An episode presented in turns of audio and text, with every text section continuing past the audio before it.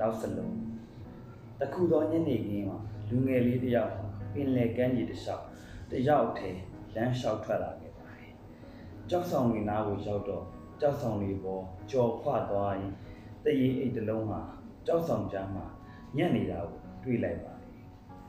တယ်တယောက်ယောက်ကြကြံခဲ့တာဖြစ်မယ်လို့ထင်ပြီးကောက်ယူကြည့်လိုက်တဲ့အခါအထဲမှာလောက်စလုံးလေးတွေတော်များများကိုတွေ့ရပါတယ်။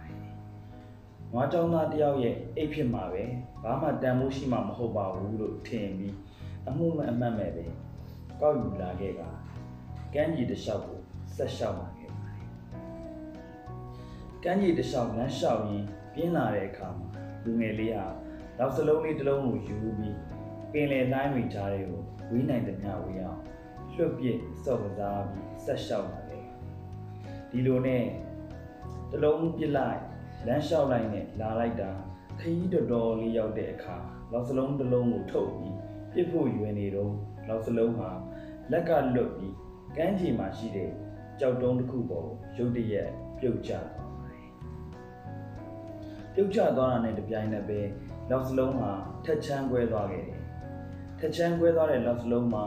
ရှင်စည်းမြေတွေကြီးပဲမဟုတ်ပဲလွန်တောက်ပါတဲ့ကြောက်တုံးတစ်လုံးကိုရှင်စည်းမြေနဲ့အတူတွေ့လိုက်ခဲ့ တွေ့ခဲ့ရပါတယ်ဒါနဲ့လူငယ်လေးလည်းတောက်ပတဲ့ကြောက်တုံးလေးကိုယူကြည့်လိုက်တဲ့အခါမှာတော့အလွန်အဖိုးတန်တဲ့စိတ်တုံးတုံးဖြစ်နေတာကိုအံ့ဩဝယ်တွေ့ရှိခဲ့ရပါတယ်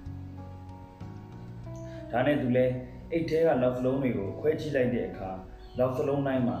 စိတ်တုံးတုံးပါနေတာကိုတွေ့လိုက်ရတယ်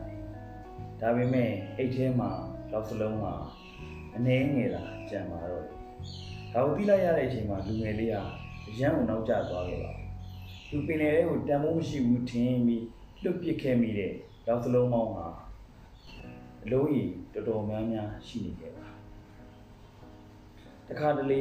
တန်မိုးကြီးတဲ့အရာတွေဟာပေါ်ရန်အမြင်နဲ့သုံးဖြတ်လို့မသိနိုင်ပါဘူးတေချာခွဲချမ်းစိတ်ဖြာလေ့လာမှသာသိရှိနိုင်မှာပဲဖြစ်ပါတယ်အခါတရံကျွန်တော်တို့တွေဟာလူတစ်ယောက်ကိုအပေါ်ရန်အမြင်တွေနဲ့သုံးဖြတ်ပြီး တန်မိုးမရှိဘူးထင်ပြီးအဝေးကိုတွန်းဖို့တတ်ကြပါတယ်အဲ့လိုအပေါ်ရန်နဲ့သုံးဖြတ်မိလို့အလွန်တန်မိုးကြီးတဲ့မိတ်ဆွေတငယ်ချင်းကောင်းတွေနဲ့အများကြီးဆုံးရှုံးခဲ့ရပါတယ်ကျွန်တော်တို့တန်မိုးကြီးတဲ့လောက်စလုံးဘယ်လောက်တောင်ပြုတ်ပြစ်ခဲ့မိလဲခံ